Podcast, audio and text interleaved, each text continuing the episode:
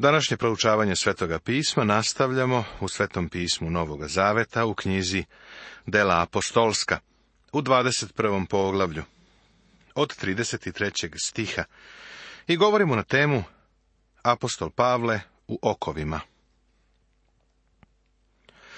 Tada se zapovednik približi Pavlu, prihvati ga i naredi da ga svežu dvama dancima i raspitivaše se ko je on i šta je učinio. Ovaj kapetan uopšte nije poznavao Pavla. Nije vikao, ovo je Pavle, veliki apostol Božaca. Nije na njega tako gledao. Nije znao ko je on. I pritom je mislio da je počinio neki zločin, pa ga je vezao. A u narodu jedni vikahu jedno, a drugi drugo kako od Vike nije mogao ništa sigurno da sazna, zapovednik naredi da ga odvedu u kasarnu. A kad je bio na stepenicama, došlo je do toga da su ga vojnici nosili zbog siline naroda. Jer je mnoštvo naroda išlo za njim i vikalo, pogubi ga. Pošto kapetan od Gomile nije uspeo ništa da sazna, odveo je Pavla u kasarnu da vidi zašta ga optužuju. Gomila nije bila spremna da se zadovolji ičim manjim osim Pavlovom smrću. A kad je trebalo da ga uvedu u kasarnu, Pavle reče zapovedniku. Smem li ti nešto reći?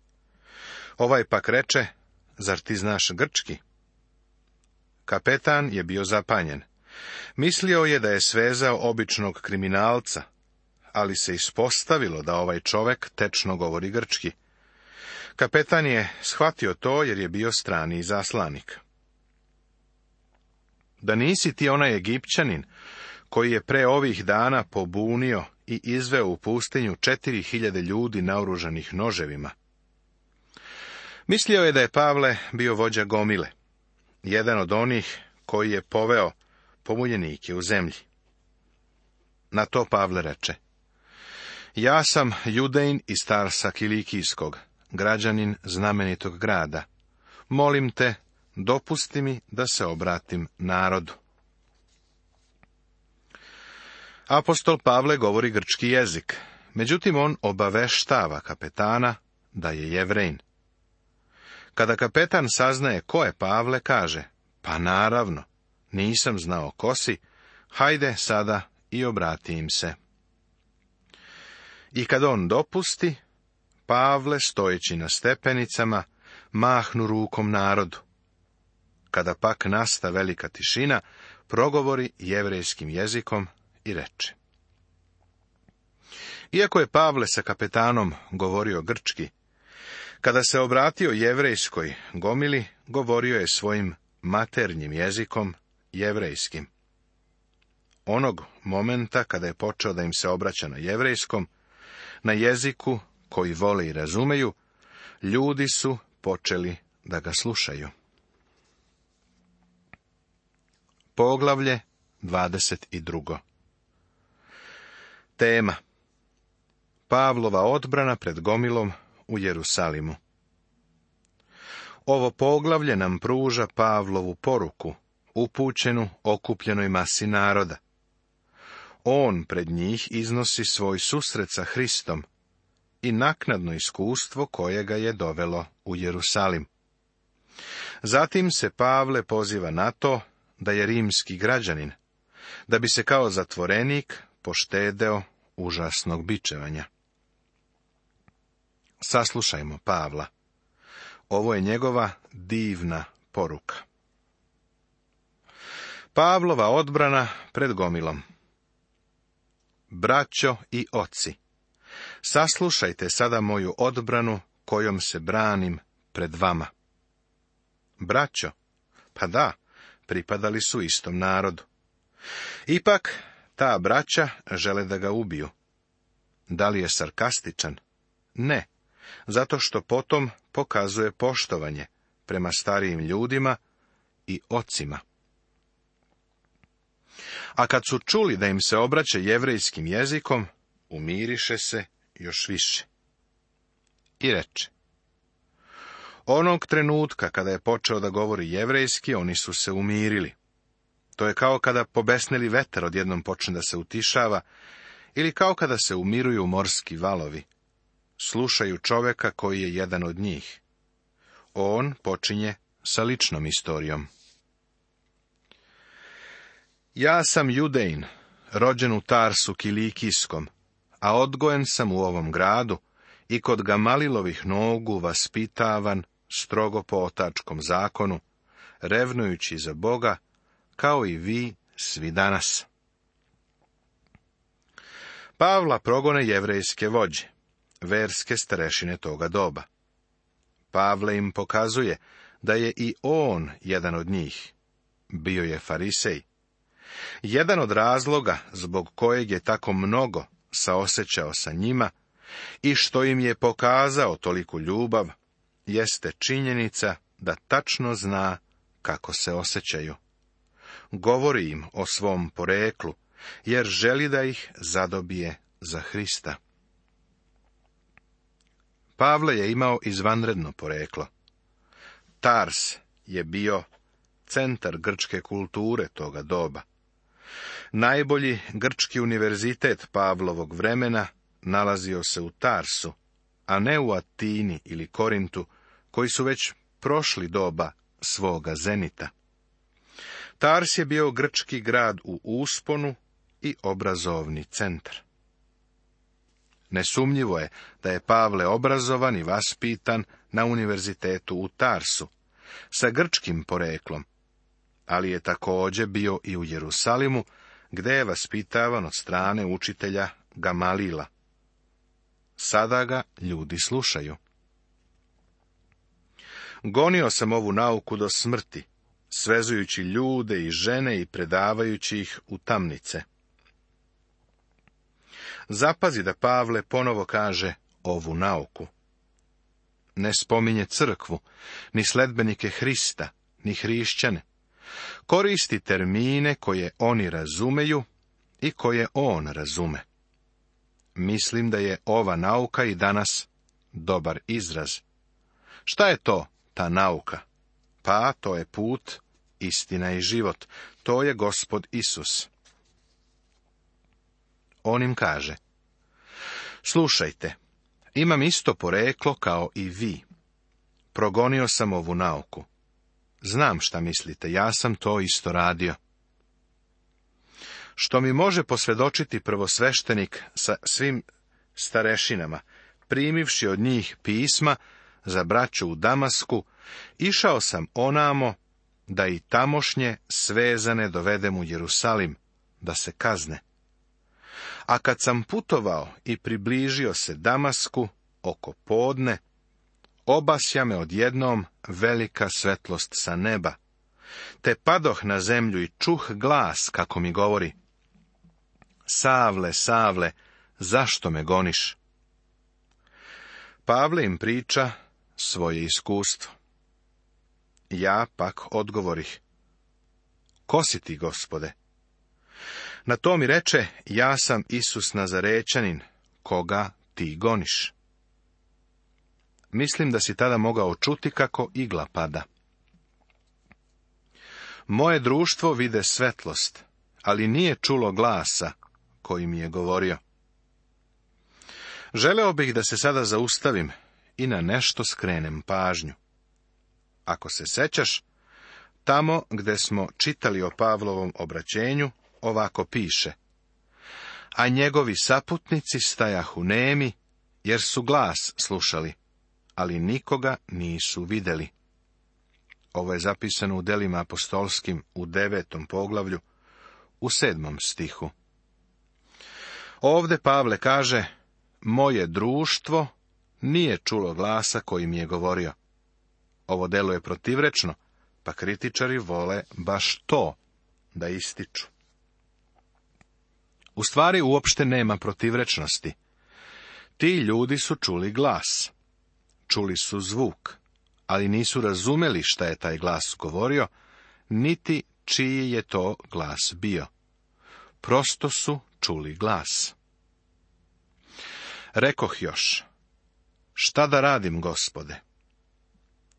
A gospod mi reče, ustani, idi u Damask i tamo će ti se kazati šta ti je sve određeno da činiš i kako nisam mogao da gledam od sjaja one svetlosti, vodili su me moji drugovi za ruku i tako dođoh u Damask. A neki Ananija, čovek pobožan po zakonu, za koga su dobro svedočili svi tamošnji judeji, dođe k meni. Priđe mi i reče, Savle, brate, progledaj. I ja u taj čas pogledah na njega. On pak reče, Bog naših otaca unapred te je odredio da upoznaš njegovu volju i da vidiš pravednika, te da čuješ glas iz njegovih usta, jer ćeš mu biti svedok pred svim ljudima za ono što si video i čuo. Zapazi da je Pavle imao privatni razgovor sa gospodom Isusom. Verujem da je gospod sa njim razgovarao i da ga je učio dok je Pavle bio u arapskoj pustinji. I što sad oklevaš? Ustani, krsti se, prizovi njegovo ime i speri svoje grehe. Kada sam se pak vratio u Jerusalim i molio se Bogu u hramu, padoh u zanos. I videh kak mi govori, požuri i idi brzo iz Jerusalima, jer neće usvojiti ono što ti svedočiš za mene. Ja još rekoh, Gospode, znaju oni da sam ja išao od sinagoge do sinagoge, bacao u tamnicu i bio one koji veruju u tebe. I kad se prolivala krv tvoga svedoka Stefana, stajao sam i ja onde, odobravao i čuvao haljine onih koji su ga ubijali. Pavle nikada nije zaboravio da je bio prisutan kada su kamenovali Stefana i da je on svim tim rukovodio. To je u njegovom umu ostavilo neizbrisiv utisak i pripremilo ga za obraćenje. I reče mi, jer ću te poslati daleko među mnogobošce, idi. Do ove reči slušali su ga, zatim podigoše svoj glas, govoreći, ukloni takvog sa zemlje, jer ne treba da živi. Pavle je ovdje spomenuo mnogobošce, jer je bio među njima i govorio im o Isusu Hristu. Jevreji su to znali. Onog trenutka kada je spomenuo mnogobošce, kao da je potpalio fitilj, više ne žele da ga slušaju. Dok su oni tako vikali, vitlali svoje haljine i bacali prašinu u vazduh, zapovednik naredi da ga odvedu u kasarnu, rekavši da ga bojem ispitaju, da bi doznao zbog čega su tako vikali na njega. Vidiš, kada je Pavle prešao na jevrejski jezik i masi naroda govorio na jevrejskom, kapetan je tamo stajao i nije shvatao šta on govori. Kapetan prosto nije uspevao da razume šta se dešava, niti da uvidi u čemu je problem. Sve što je mogao da učini, bilo je da Pavla uvede u kasarnu, kada je razjarena masa nagrnula na njega.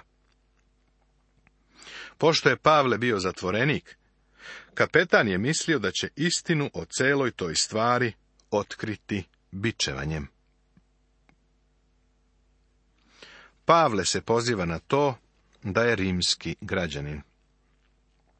A kada ga opružiše i kajševima svezaše, Pavle reče kapetanu koji je stajao prema njemu. Zar vi smete da šibate rimskog građanina, još neosuđenog. Pavla su u potpunosti pogrešno shvatili. Jevreji su mislili da je Trofima doveo u hram, a nije. Kapetan je mislio da je on bio Egipćanin, vođa pobunjenika, a nije. Pogledaj ko je on. On je jevrejn koji tečno govori grčki jezik. On je takođe rimski građanin.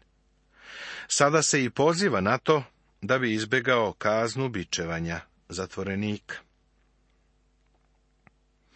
Kada pak kapetan ču ovo, priđe zapovedniku. Obavesti ga i reče, šta hoćeš da činiš? Ta ovaj čovek je rimski građanin. Tada mu priđe zapovednik i reče, kaži mi, jesi li ti rimski građanin? a on reče. Zapovednik pak odgovori, ja sam priličnom sumom stekao to građanstvo.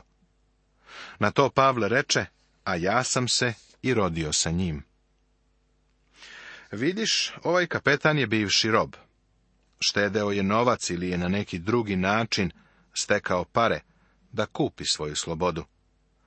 Napredovao je u rimskoj vojsci, pa je sada centurion. Zapanjen je što je Pavle zatvorenik, a potom još rimski građanin, koji je rođen kao slobodnjak. I odmah odstupiše od njega oni koji su hteli da ga šibanjem ispitaju.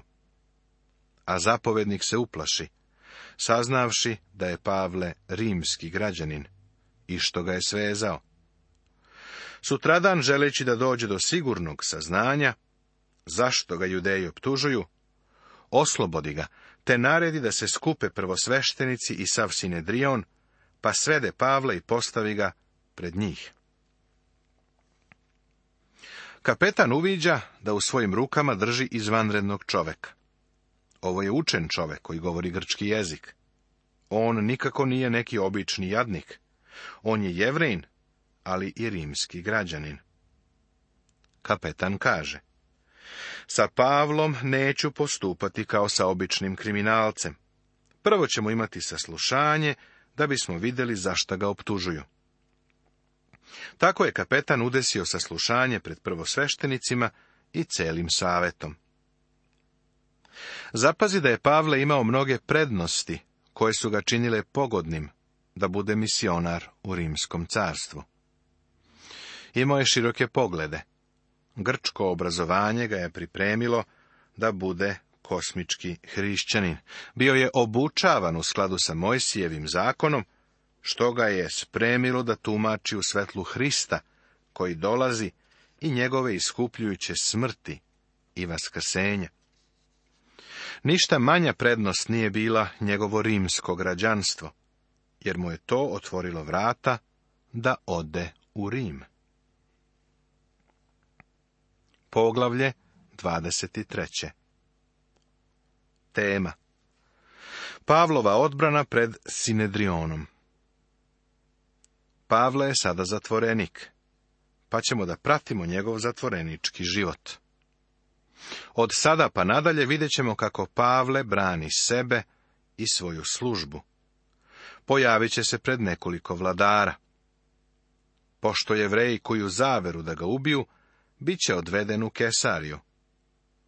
Tamo će u zatvoru provesti oko dve godine, pre nego što konačno ne zatraži da ga pošalju u Rim, što se i dešava. Sećaš se da smo spomenuli da je uvek bilo oprečnih mišljenja. Razlika u mišljenju o tome da li je Pavle trebalo da ide u Jerusalim ili ne. Da li je on tada bio u skladu sa Božijom voljom. Lično podržavam stav da je on u celini bio u Božoj volji. Dok dalje budemo proučavali, stalno ćemo uviđati da Pavle jeste u Božjoj volji. Činjenica je da je uhapšen i istina je da mu je teško, ali to ne znači da nije u Božjoj volji. Dok idemo dalje, možemo vidjeti kako je Božja ruka prisutna u životu ovoga čoveka. Onaj isti koji je ušao u Pavlov život, želi da uđe i da se kreće u tvom i mom životu danas. Prijatelju, to je slavno i čudesno. Ovde dole gde živimo običnim životom, Bog se kreće u našem životu. U izvesnom smislu živimo vrlo skromno i mnogi od nas imaju vrlo jednostavan, uhodan svakodnevni život. Pa ipak Bog je za nas zainteresovan. Bog želi da nam da ono voćstvo koje nam je potrebno u složenim situacijama sa kojima se suočavamo u savremenoj kulturi. Veruj mi, ta pomoć nam je danas potrebna. Nema sumnje da nam je i Bog potreban. Nastavit će se.